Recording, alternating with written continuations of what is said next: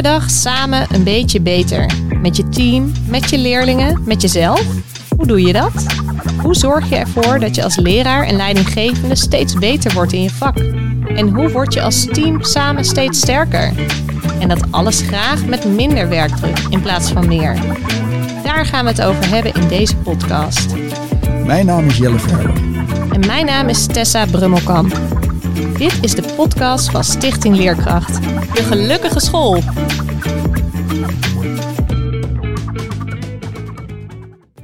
Deze podcast gaat over veilig veranderen. Wat er zo al langs gaat komen is gewoon doen. Trust the process. De voorhoede en de achterste wagonnetjes. En hoe belangrijk het is om ook in onzekere tijden samen koers te bepalen. Wij hebben vandaag de gast Evelien Driest. Zij werkt als bestuurslid bij Sophia Scholen. Ze is opgeleid als ontwikkelings- en onderwijspsycholoog. Uh, ze werkte als trainer en adviseur voor het VO en PO. En ze was bovenschools-manager bij de RVKO. Van harte welkom Evelien. Dankjewel, leuk om hier te zijn. Nou, we gaan meteen van start met de startvraag aan onze gast. En dat is, uh, waar word jij gelukkig van?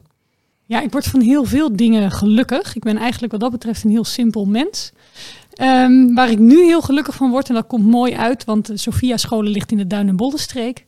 En het is nu lente. Uh, en dan komen alle bloemen weer op. Dus als ik nu van uh, mijn werk naar huis rij of naar mijn scholen rij, dan rij ik langs de tulpen en de hyacinten. En uh, nou, daar word ik heel gelukkig van. Oh, wat fijn. Ik zie het voor me, van die hele gekleurde velden.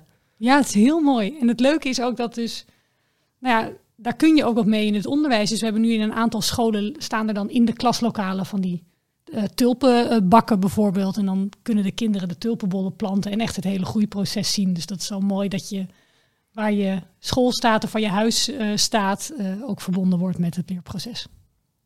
Ja, prachtig. Mooi. En je bent uh, op dit moment uh, bestuurder bij uh, Sophia Scholen. kan je iets meer vertellen over de context waarin je werkt? Wat voor bestuur zijn jullie? Wat is, wat is jouw rol daarin? waar richten jullie je op dit moment op? Zodat we je nog wat beter leren kennen. Sophia Scholen is een stichting met 28 basisscholen. Wij verenigen drie denominaties in onze stichting. Rooms-Katholieke scholen, protestantse scholen en ook drie scholen voor algemeen bijzonder onderwijs. Um, onze scholen staan in uh, de dorpen van de Duin- en dat is eigenlijk van Katwijk tot Hillegom. Wij zeggen altijd, wij zijn randstedelijk, maar vooral niet grootstedelijk. Want de Duin- en Bollenstreek is een soort van de Central Park van de Randstad... tussen Den Haag, Leiden en Haarlem in. Uh, wij zijn een tweekoppig college van bestuur. Mijn collega Oma Ramadan en ik. Uh, wij hebben onze portefeuilles verdeeld. Dus als je nu met mij praat, dan uh, ik heb het met name over onderwijs en identiteit, HR. Ik heb, ben bestuurslid in het samenwerkingsverband. Ik onderhoud de relaties met de PABO. Um, dus als je je afvraagt, goh, waar ben je nu als bestuur bijvoorbeeld mee bezig? het samenwerkingsverband is heel veel stappen aan het maken richting inclusiever onderwijs. Dat is echt een thema wat ook voor onze scholen natuurlijk effecten heeft. Um, ik ben toevallig vanmorgen nog bij de PABO geweest over het vormen van een mogelijke opleidingsschool. Uh, nou, van alles. En verder is het lerarentekort natuurlijk een thema, uh, ja. wat bij ons ook speelt. Nou, zo zijn er van allerlei dingen. Een aantal scholen hebben nieuwbouw op dit moment. Nou, gaan we door. Ja, precies. Want dat, want dat lerarentekort, eh, speelt het ook al een tijdje bij jullie of, of wordt dat nu heviger? Nee, dat is eigenlijk pas nu uh, bij ons. Ik heb dus hiervoor in Rotterdam gewerkt. Ja, daar was het vijf jaar geleden al niet te doen. En dat zijpelt nu uh, verder, dat merk je. Um, wat ik met name zie in het lerarentekort is natuurlijk naast het feit dat er gewoon te weinig leraren zijn, hè, als je het gewoon optelt, zie ik ook wel dat het soms gewoon een slechte puzzel is die, die moeilijk te leggen is tussen scholen. Dus uh, een vacature hier en een vacature daar zou samen een mooie baan zijn, maar hij is verdeeld over twee scholen en dan is het toch een minder aantrekkelijke baan. Dus het is ook een, een lerarentekort wat we met elkaar misschien in flexibiliteit of in slechte puzzel, noem ik het maar, um, ook niet zo makkelijk oplossen. Dus het is een, een meerkoppig monster. Oké. Wicked, wicked problem. Een wicked problem, zijn, zeker. Er zijn veel, veel mensen mee bezig. Ja, ja. Nee. Okay, maar ja, wij gaan het daar niet over hebben, of wij gaan er niet uh, op focussen. Want we vragen altijd aan onze gast over welk thema wil je het hebben in de podcast. En ehm, jouw thema was, uh, ja, dat is een beetje moeilijk uitleggen, maar ik heb het eh, tussen haakjes gezet. Onveilig veranderen of veilig veranderen. Hoe doe je dat nou? Uh, want nou ja, er komen veel veranderingen op het onderwijs af. Uh, we zijn altijd wel bezig met van hoe kunnen we het nou nog uh, beter doen. En ja, aan jou de vraag van ja, wat, wat is er aan de hand met dat thema en, en waarom spreekt dat jou zo aan? Nou, wat is er aan de hand met het thema? Ik denk dat er altijd in het onderwijs gezocht wordt naar verbetering van het onderwijs. Dat is het leuke van werk in het onderwijs, is dat je met allemaal mensen werkt die ontzettend gedreven en gepassioneerd zijn om elke dag hun werk optimaal te doen en altijd te kijken waar kan het beter voor de kinderen. Dus dat is sowieso uh, een cadeautje, wou ik bijna zeggen, van werk in het onderwijs. Um, maar wat ik ook zie, en dat is met name niet zozeer met kleine veranderingen of kleine verbeteringen, maar met grote veranderingen die, of die met het hele team of met de hele school moeten gebeuren, daar, dat is gewoon spannend. Want op het moment dat je iets nieuws gaat doen, wordt het onzeker en moet je het oude loslaten. En dat spannende, of dat nou ja, jij noemde het inderdaad veilig of onveilig veranderen. Ik denk dat, het, dat de mens van nature een gewoontedier is. En graag uh, doet wat hij deed en houdt wat hij heeft. En um, op het moment dat je gaat veranderen, wordt het dus per definitie onzeker en dus voor de, voor de mens zelf onveilig. Ja, ja. ja precies. En, en, en wat, zijn, wat zijn zoal veranderingen die jij ziet bij jullie scholen of uh, binnen jullie bestuur? Nou, dat zijn soms hele uh, kleine veranderingen, uh, praktische veranderingen. Van, uh, nou, we spreken voortaan af. nou, bij de corona hebben we natuurlijk honderdduizend veranderingen aan de hand gehad, dagelijks. ja. um, um, en heel, een heel simpel is dan een looproute in de school. Hè? Dat is een kleine verandering. Maar grote veranderingen zijn denk ik als je zegt we gaan onze hele leerlijn van groep 1 tot en met 8 op elkaar uh, goed afstemmen. Of we gaan daarin uh, onze didactiek veranderen of aanpassen of wat dan ook. Dan heb je het over grote inhoudelijke veranderingen. Of we gaan helemaal als school anders organiseren. We gaan onze ja, leerstofjaarklassensysteem loslaten en in bouwen werken of in units werken. Nou, dan heb je het over veranderingen waarvan je veel zekerheden moet loslaten, denk ik. Ja, en hè, we hebben het hier natuurlijk ook vaak over de verbetercultuur. Um, kan je daar iets over vertellen? Welke veranderingen je daar ziet uh, bij jouw scholen? Want sommigen zijn daar actief mee bezig. Nou, ik zie binnen mijn scholen eigenlijk een, altijd heel erg veel wens naar, uh, naar verbetering. Dus die de kwaliteitscultuur, daar ben ik eigenlijk binnen mijn scholen best wel heel trots op. En um, dat kan in de, in de vorm van Stichting Leerkracht. We hebben op dit moment zes leerkrachtscholen in ons bestuur. Uh, maar er zijn ook scholen die dat op hun eigen manier doen.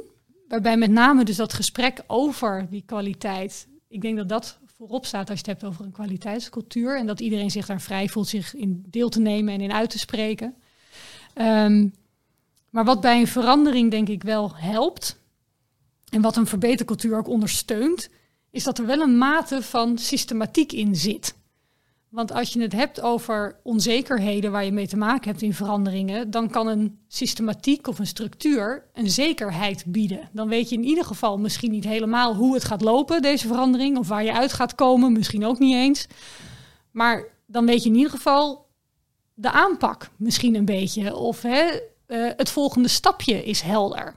En dat zijn de kleine zekerheden die maken dat mensen, denk ik, wel vertrouwen hebben om in die verandering mee te gaan. Of, uh, die verbetering voor te ondersteunen. Ja, kan je daar voorbeelden van geven? Dat je ziet wat, wat werkt op de scholen. Ja, ik heb in voorbereiding op deze podcast ook even met een directeur gesproken. Die dus echt ook een grote verandering op haar school teweeg heeft gebracht. Die is van het leerstofjaarklassensysteem omgegaan naar groepsdoorbroken werken per bouw. En um, toen zei ik ook, ik zeg, wat heb jij gedaan op dat moment om veiligheid of noem het comfort te bieden aan je team op het moment dat je dus echt een ongewisse toekomst tegemoet gaat. Om het gewoon maar even zo te zeggen. En um, zij benoemde ook inderdaad dat een systematiek, en dat kan zijn een, een ritmiek in overleggen. Hè? Dat je bijvoorbeeld zegt, we, we zien elkaar elke week op maandagochtend even bij het bord. Of, om, om even te horen van waar staan we nou? Wat, zijn de, ja. wat, wat, is er de afgelopen week gebeurd? En, uh, en wat betekent dat voor Wat betekent uh, dat? Wat heb jij gedaan? Wat heb jij gedaan? Wat kwam daaruit? Wat was het resultaat? Waar heb je mee geëxperimenteerd? Wat vond je spannend? Nou, dat soort vastigheden die helpen. En wat zij ook aangaf is, ehm, veiligheid komt aan de ene kant van, van structuur of van overzicht. En aan de andere kant uh, vertrouwen in elkaar. En ze zegt, en dat is natuurlijk logisch, je moet als, denk, als personeelslid vertrouwen hebben in waar de, waar de toko naartoe gaat. Wat is die directeur van plan of wat, wat gaat mijn organisatie doen? En heb ik er vertrouwen in, in de mensen die het gaan doen of in het idee wat, wat op de horizon staat. Maar aan de andere kant is het ook dat de organisatie en de, en de leidinggever vertrouwen in de mensen moeten hebben. Want die mensen gaan ook andere, andere dingen doen. Die gaan andere verdrag vertonen, die gaan experimenteren, die gaan ook dingen loslaten. En dan moet je ook durven zeggen, maar ik geloof dat het goed is wat je doet. Ja. En ik denk dat je het kunt. En dat zijn hele belangrijke ja, basisvoorwaarden, dus veiligheid en vertrouwen, om te durven veranderen. Ja. Ja, en ik, ik hoor er ook in uh, oog voor het proces hebben. Ja. Dus, ook een soort van afstand nemen en, en kijken naar van wat gebeurt hier nou en, uh, en wat betekent dat. En wat, wat zijn jouw ervaringen? Heb jij persoonlijke ervaringen met, met veilig veranderen of onveilig veranderen die je zijn bijgebleven waarvan je denkt van ja, dat, dat, dat heeft mij wel geraakt of uh, dat heb ik toen meegemaakt en dat is heel goed gelukt of, uh, of daar, daar heb ik het juist niet goed zien gaan? Nou, we hebben als bestuur het afgelopen jaar Um, en dat is niet zozeer een verandering geweest, maar wel een proces met een onzekere uitkomst. zo laat ik het maar zo even noemen. Wij hebben het afgelopen jaar ons hele nieuwe strategisch beleidsplan neergezet of uitgedacht. En dan moet je, nou ja, dat kan iedereen zich eh, herinneren. We zaten vorig jaar dik in de corona. Dus fysieke bijeenkomsten konden niet. Um, overleggen konden niet. Uh, nou, je zou normaal als je een strategische koers begint, dan denk ik, doe een brainstorm sessie, ik haal al mijn directeuren bij elkaar en, dat soort dingen. We wisten dat dat niet zou kunnen. En toch wilden we dat proces in gang zetten. We wilden uh, die nieuwe koers neerzetten met, uh, met de stichting. En dat hebben we toen toch gedaan. En uh, ook terwijl een heleboel mensen zeiden van, is dat nou wel verstandig? En besturen om ons heen, die zeiden, ja, nee, wij hebben het uitgesteld, want we gaan dat nu in deze tijd niet doen. Dachten wij, ja, wij gaan het toch maar doen. Mm -hmm. Ook wel met de wetenschap. Nou ja, en als het niet lukt, dan kunnen we er altijd weer mee stoppen. Uh, zo ontspannen moet je er dan ook maar in zitten als je iets raars of iets onzekers ingaat. En uh, we hebben een kort, redelijk kort of nou overzichtelijk tijdspad geschetst. We zeggen, nou, we beginnen in maart. Dat doen we voor de zomer, dan hebben we de zomervakantie en dan moet dat ding in november af zijn, want in december is het einde schooljaar en in januari gaat hij in.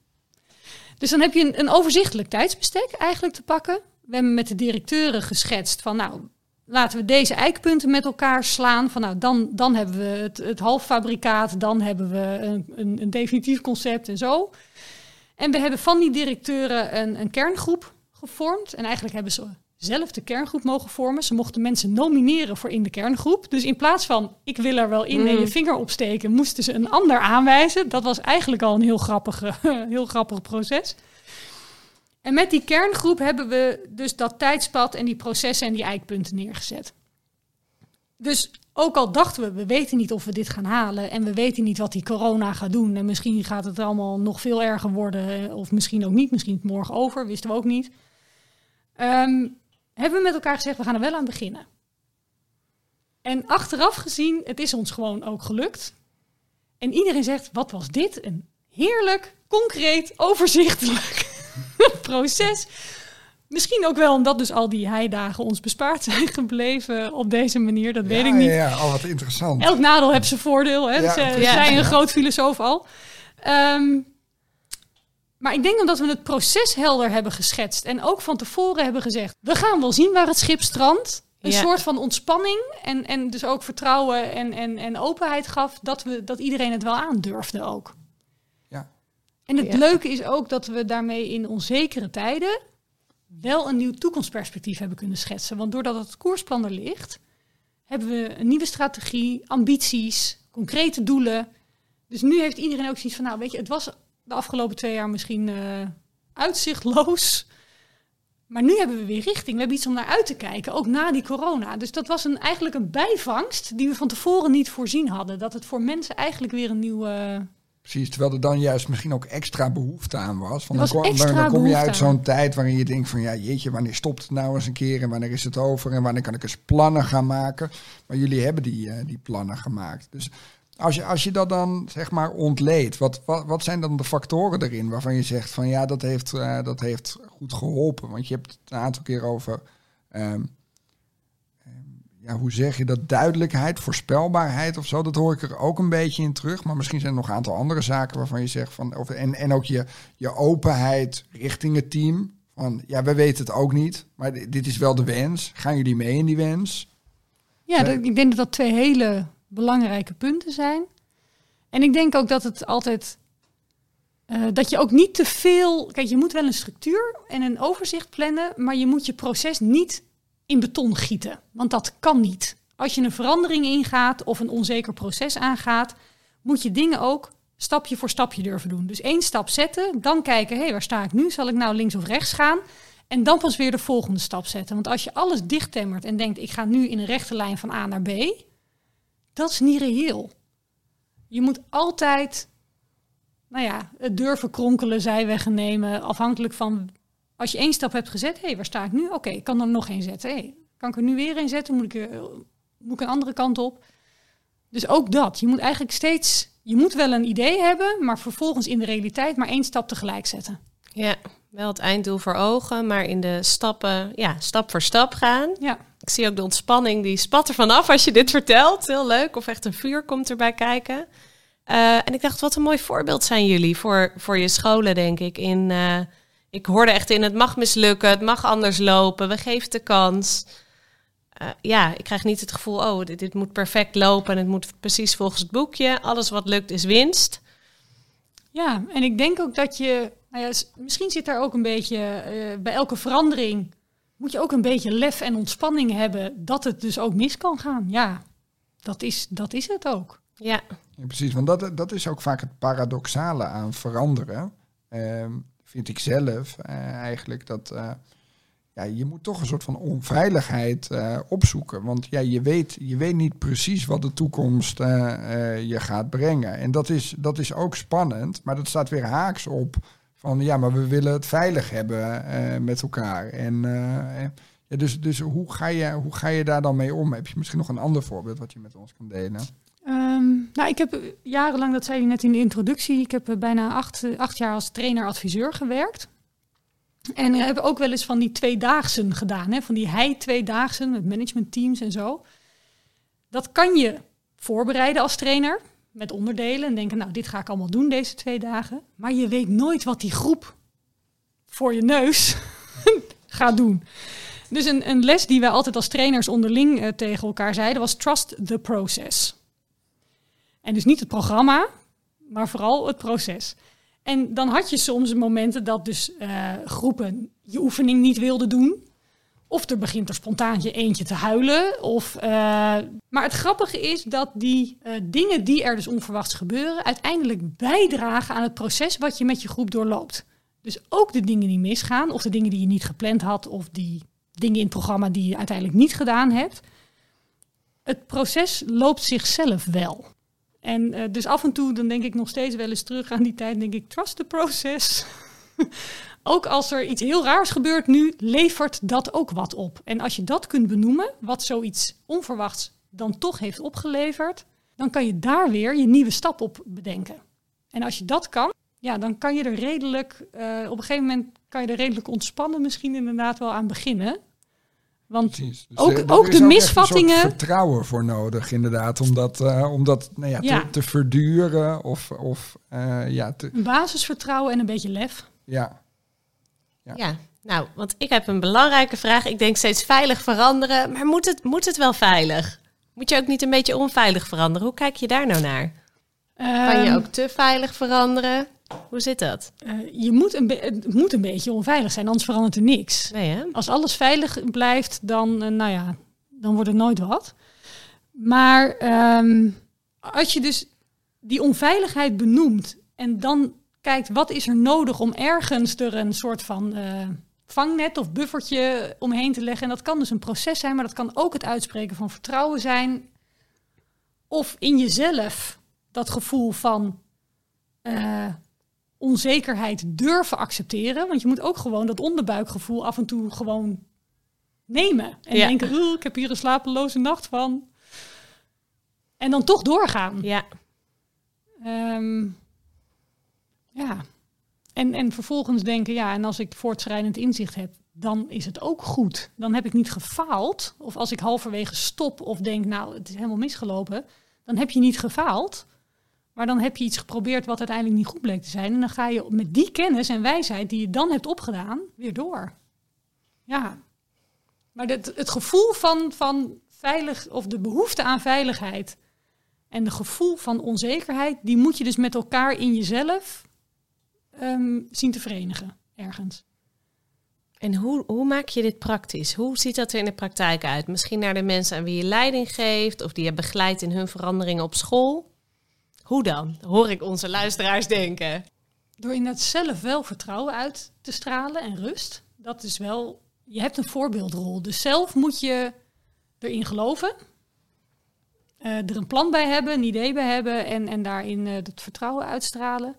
En ik denk dat je heel goed oog moet hebben voor de mensen om je heen. Je kunt zeggen, we zien elkaar elke week als team. Of we, we, zien elkaar on- één keer in de maand eh, met z'n allen. Of weet ik veel wat. Maar je hebt ook met individuen te maken. En je, daar moet je oog voor hebben. Dus je moet kijken, wat heeft zij nu op dit moment nodig? hey, welke vraag heeft hij eigenlijk net gesteld tijdens het teambord... waar misschien wat onder ligt? En die individuele momenten, die heb je heel hard nodig. Denk ik. Aan de ene kant hoor ik jou zeggen van ja, trust the process. Dus, Ja. dus alles wat we leren in het proces is mooi meegenomen en dat voedt het proces. En aan de andere kant heb je ook soms veranderingen dat je denkt van ja, nu, nu, nu, nu heeft het lang genoeg geduurd. Eh, Ja. en nu wordt het echt remmen. Eh, en eh, je, hebt ook een groep en die wil vooruit of die ziet misschien al meer het lonkend perspectief waar je naartoe op weg bent. Dus, dus hoe ga je daar dan mee om op zo'n moment? Ja, met name bij langdurige veranderingen ehm, krijg je het gevoel misschien soms van de koplopers en de laatste wagonnetjes. Kijk, als er dingen gewoon anders moeten, dan is het een besluit, hè? dan is het geen verandering. Dat, Eens. Ja. Laten we dat verschil hier even maken, want een, een verandering is echt ook ander gedrag en, en langdurig en een duurzaam proces. En een, gewoon een, nu zeggen we lopen vanaf nu links op de trap in plaats van rechts op de trap, dat is gewoon een besluit. Dat is niet zo'n verandering. Ehm, dus als je het over die, die verandering hebt waarin je merkt dat of het voor een aantal mensen te lang duurt en voor een heleboel mensen te snel gaat. En dat hadden wij toen wij, het Omar en ik zijn nu 2,5 jaar bestuurder bij Sophia Scholen. En toen wij aantraden merkten we dat dat een beetje aan de hand was. En er was heel erg geïnvesteerd op de basiskwaliteit van het onderwijs. Maar er waren scholen die hadden die basiskwaliteit op orde en die wilden door. Die hadden ambities en ideeën en plannen. En die hadden het gevoel dat er dus op de rem werd gezet, omdat er nog een paar mensen, een paar scholen waren die nog niet zo ver waren. En daar hebben we de rem van afgehaald. Eh, dus de mensen die konden, die hebben gezegd gaan. En dat hebben wij tussen scholen gedaan. Maar ik denk dat je dat in je team ook kunt doen. Ik heb nu best wel veel scholen die zijn bezig met de implementatie van EDI-traject. En er zijn leerkrachten die hebben dat gewoon heel snel in de vingers. En die kunnen dat. En er zijn teamleden die daar moeite mee hebben. En dan moet je eikpunten stellen met elkaar van nou, we hebben nu deze fase in de vingers, we gaan naar de volgende fase als team, et cetera, et cetera. Maar de, die andere waarvan je denkt, die kunnen meer aan, ja, die moet je dan dus ook gewoon niet zeggen van nou, we doen alleen nog maar eh, voorkennis ophalen en eh, lesdoel benoemen. Maar gaan jullie maar door. En terwijl je misschien met de middenmoot bij fase 3 zit, zul je ook nog een paar hebben waarvan je denkt, die moet ik nog door fase 1 en 2 ha- helpen. Ja, ik denk dat het heel demotiverend werkt, met name voor de voorhoede, als die moeten remmen. Dat is met kinderen in de klas ook zo. Ja. Dus eigenlijk nooit een rem erop en alle fases aandacht geven. Of elke, elk treindeel eh, krijgt aandacht, als ik het zo hoor. En het wel benoemen, wel opengooien. Ja, Want anders dan krijg je een gevoel van frictie of ongelijkheid die onuitgesproken blijft. En Ja. dat, dat is een vervelend gevoel. Want dan wordt het dus weer onveilig, omdat je niet meer weet, wat, wat vinden we er nou eigenlijk van? Of hoe kijken we er tegenaan? Terwijl als je het uitspreekt van, dit is hoe ik er tegenaan kijk. Volgens mij moeten we nu niet voorlopers op de laatste wagonnetjes laten wachten. Of jullie zijn heel goed daarin. Jullie hebben ook andere kwaliteiten. Dat, dat is ook in een team. Dan, dat moet je wel openleggen. Want anders dan gaan mensen vragen stellen. Waarom dit of waarom dat? Hé, hey, ik zie dit gebeuren, maar ik weet eigenlijk niet waarom dit nu gebeurt. Waarom doet mijn collega nu dit? Terwijl we volgens mij met de hele club in deze verandering zitten. Precies. En ik, ik hoor je ook zeggen van wel koers houden. Ja. Dus, want, want je zei eerder ook van, ja, het kan ook zijn dat je er op een gegeven moment achter komt. Maar misschien heb je dan echt meerdere signalen gekregen van, ja, dit, dit is het toch niet of dit werkt het niet. Maar in het voorbeeld dat je hier geeft, eh, hoor ik ook van, ja, nee, we gaan, we hebben voor Edi gekozen. Dat gaan we allemaal doen. Uh, alleen, ja, tempo verschilt wel. Ja. Ja. Okay, dat brengt me een beetje uh, bij jouw rol. Daar ben ik ook wel nieuwsgierig naar. En daarna kunnen we misschien ook nog even naar, naar, naar dat mooie nieuwe koersplan van jullie, wat, wat daarin staat. Um, maar, maar wat zie je als jouw rol bij, bij veranderingen? Je bent, je bent bestuurder, je hebt hele, nou ja, dat vertelde je in de inleiding, hele, hele diverse portefeuille. Dus je schaakt op heel veel borden tegelijk. die veranderprocessen zijn daar onderdeel van. En, en ja, hoe zie je jezelf daarin? Nou, los van bestuurder van scholen ben ik ook leidinggevende van directeuren. Dat is misschien wel mijn belangrijkste rol die ik heb. Directeur zijn van een school vind ik, als ik er naar kijk, lonely at the top. Als directeur, je bent vaak in je eentje. Hè. Grotere scholen hebben, hebben misschien een adjunct of een MT eromheen staan, maar gewoon een gemiddelde school van 250 leerlingen, om die maar even als gemiddelde school te nemen. Eén directeur, klaar. Die mensen hebben een leidinggevende nodig als zijnde een klankbord. Ook iemand die het vertrouwen in ze uitspreekt en zegt: ga het maar doen met je school. Ik ben vanaf het begin tegen heel veel dingen ja gaan zeggen toen ik uh, begon uh, als bestuurder bij Sophia Scholen. En wat ik net noemde van de directeuren die best wel al verder wilden, maar door, de, door, de om, door de omstandigheden wat, wat waren geremd ik ja zeggen tegen het idee, het vertrouwen geven, nou ga het maar doen. Um, tegelijkertijd vraag ik ze ook bij uh, periodieke uh, gesprekken naar jaarplannen, evaluaties, opbrengsten. Dus ook van, wat ben je aan het doen? Wat zie je? Welke eikpunten heb je? Welke doelen heb je? Dus het ook wel um, het proces en de, en de systematiek zichtbaar krijgen van hoe ze het doen. Maar vooral als persoon steunen. Want dat is het moeilijkste aan de verandering, om daar leiding aan te geven en je roer recht te houden en met inderdaad dus al, al je teamleden te maken hebben die er alles anders in staan, het anders ervaren, een ander type steun nodig hebben. Daar het gesprek over voeren. Ik denk, mooi tijd voor een intermezzo met de verbetertip. Mijn naam is Marjoleine Mulders. Ik ben schoolleider van basisschool De Klimop in Purmerend. En mijn verbetertip ten aanzien van het gedeeld leiderschap is Durf mensen los te laten. Geef ze het vertrouwen. Laat ze fouten maken en daarvan leren. Nou, dan zijn we weer uh, terug uh, in de studio uh, bij Evelien. En ik noemde het net al even van. en jij noemde het ook in het begin. Jullie hebben dat nieuwe koersplan met jullie groep directeuren geschreven. lonkend perspectief voor de, voor de komende jaren. En uh, ja, ik ben eigenlijk wel nieuwsgierig. Kan je ze iets noemen? Dan kunnen we dat beetpakken als verandering van uh, waar, waar, gaan jullie, uh, waar gaan jullie mee bezig? Wat, wat staat er zo al in? Nou, er staat van alles in. Um, zoveel dat, dat soms onze raad van toezicht aan ons vroeg, weet je het wel zeker, is het niet te veel? we hebben heel erg gebalanceerd met ons koersplan tussen aan de ene kant een visie en een stip op de horizon. En aan de andere, stand, aan de andere kant concrete resultaten. Want onze ervaring is dat er soms zo'n koersplan wordt geschreven en dat is zo vaag dat je er eigenlijk alle kanten mee op kan vier jaar lang. En dan denk je, nou, het is toch prachtig. Hè? Of het had voor elke scholenstichting ja, kunnen, kunnen gelden. Mooie, mooie, warme woorden. Mooie warme woorden, de leerling ja. centraal, nou ja, zoiets.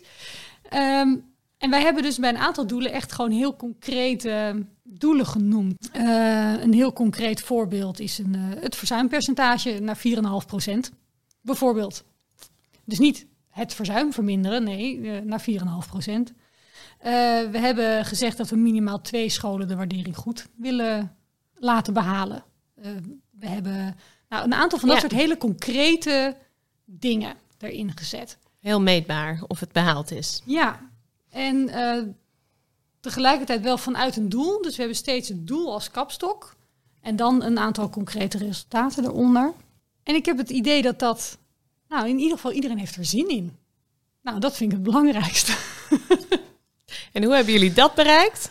Hoe hebben we dat bereikt? Denk ik, ehm, omdat we het heel erg samen hebben geformuleerd vanuit ook en op het momentum waar het nu is. Dus van wat zien we nu als nodig voor? Ja. En ehm, nou, we zijn de grootste scholenstichting in onze regio. Mhm. Dus in sommige dorpen staan er vijf scholen, dan zijn er vier van ons.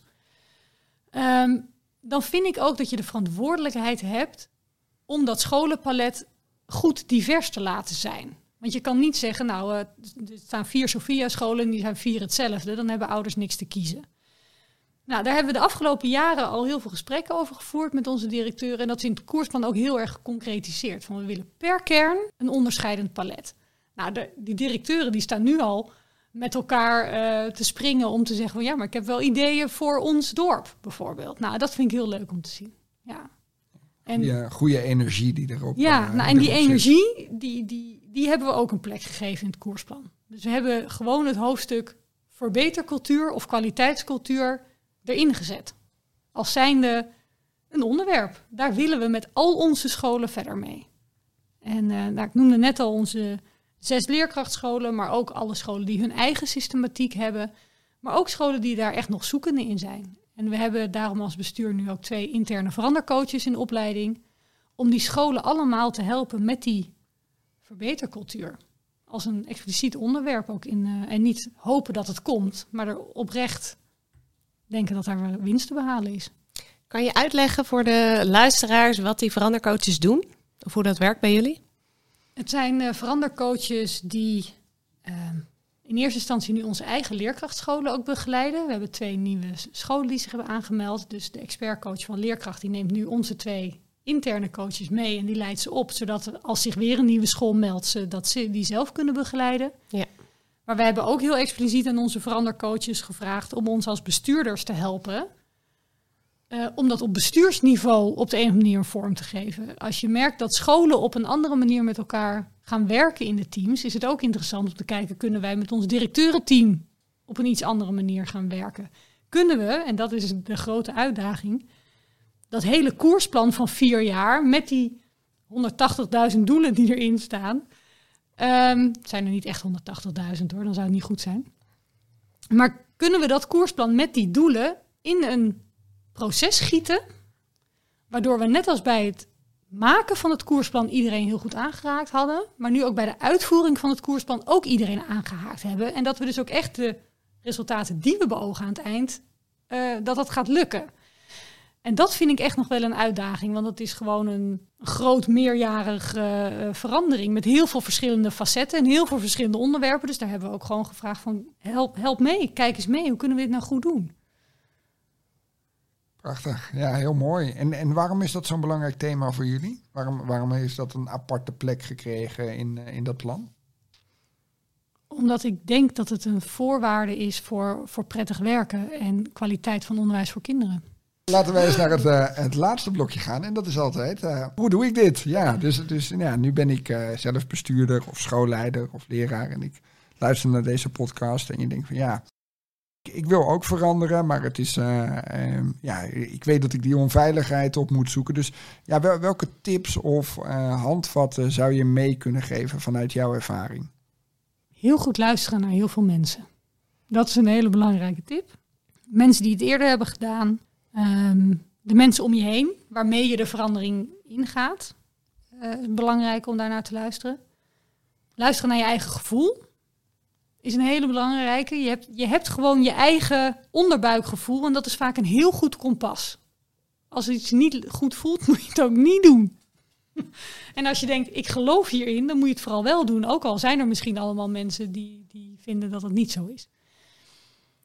Dus eh, luisteren naar anderen en luisteren ook heel goed naar je eigen gevoel. En de hoe is ook, wat mij betreft, heel concreet eh, plannen maken en lijstjes maken. Dus op het moment dat je dan een, een, een visie hebt en een doel voor ogen, want dat is eigenlijk de stip op de horizon waar je dat onderbuikgevoel en dat luisteren voor nodig hebt. Als je die stip voor ogen hebt en die wordt gedeeld, dan voor jezelf een, eh, in kleine stukken hakken. En het gewoon plannen. Gewoon doen. Ik heb mijn collega Almar, die zegt altijd, we gaan het gewoon doen. Nou, dat vind ik een hele overzichtelijke uitspraak. Top. En dan ga je het gewoon doen. En dan zeg jij dus van, ja, dan moet je wel zorgen dat je, dat je eh, aan de ene kant die onveiligheid opzoekt, maar dat je het ook veilig houdt. Dus, Ja. en, en Vooral je voor de mensen om je heen. Nee, precies. Vooral voor de mensen om je heen. Want, want zelf zeg je van, luister ook goed naar je gevoel. Heb je, heb je daar nog tips voor? Voor hoe hou je dat, eh, hoe zorg je dat zo'n verandering, dat je wel de grenzen opzoekt als het ware, maar dat je ook zorgt dat, niet, dat niemand daar, eh, daar overheen valt of daarbuiten valt? Ja, deel dat lijstje. Deel je proces, deel je plan. Eh, hang het op ergens. Eh, maak het zichtbaar. Eh, kruis dingen af met z'n allen. Dat je ook de voortgang ziet. Want vaak, beginnen, hè, vaak begin je ergens aan. En dat is ook bij ons ook een valkuil hoor. En dat heb ik zelf ook al honderd keer dat ik denk, jeetje, ik ben eraan begonnen. ehm, waar, waar is het nu eigenlijk geëindigd? Geen idee. Ehm, dat, je, dat je dat dus zichtbaar maakt. En dat je ook laat zien, hé, hey, ik heb dit bereikt. Al is het maar het plegen van een telefoontje naar iemand om informatie te vragen. Hè. Dat is ook al een actie die je wel kan afstrepen en waardoor je kan zeggen, hé, hey, nu heb ik informatie opgehaald. Dit is iemand die weet ervan. En we kunnen door. Want anders zou je pas het succes vieren als je het bij wijze van spreken geïmplementeerd hebt, wat heel ver weg ligt. Terwijl al die stappen daar naartoe een fijn gevoel geven. Die denken, jip, ik ben op weg. Dit gaat lekker. Ja, successen Ik- vieren noem je. Ik durf nu wel een stapje, eh, nog een stapje te zetten. En dat, en dat kan alleen als je hem dus eerst klein hakt. Anders lukt dat niet. Nee, want dan blijf je naar die grote... Dan blijven we naar die grote stip op de horizon, kijken. En ja. die blijft meestal ook altijd op de horizon. Omdat je vaak halverwege nog een andere verbetering bedenkt. Of toch net een andere afslag neemt. En dan, Ja. ja, dat zei iemand mij ook een keer. Dat als je naar de horizon toe loopt, dan, dan schuift hij dan schuift hij verder op. steeds op. Ook dus omdat dat- je zelf steeds kritischer wordt op wat je bereikt. Hè. Je wordt vaak beter in wat je doet. Vervolgens word je dus kritischer omdat je ziet wat er allemaal nog meer beter kan. Dat Ja. is vaak eh, de ellende van beter worden. Is dat je ziet hoeveel meer er beter kan. Ja. Dat is net als met opruimen thuis. Dan heb je het opgeruimd en dan zie je nog meer liggen. Ehm, dus als je niet die kleine succes hebt gevierd, kom je bij die grote nooit aan. Dankjewel. Ja, mooi. Een risico waar hele, waar hele mooie tips achter zitten. Als ik je zo hoor. Fijn om die eh, te horen van je. Ja.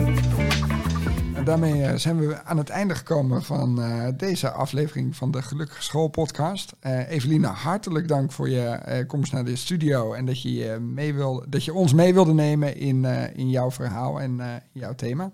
Nou, dank dat ik hier mocht zijn en eh, voor jullie goede vragen. Hebben mij ook weer aan het denken gezet. Dit was de Gelukkige School podcast. Wil je onze volgende podcast niet missen? Abonneer je dan. En heb je feedback of een suggestie voor een volgend onderwerp? Geef het door of laat een recensie achter in de podcast-app.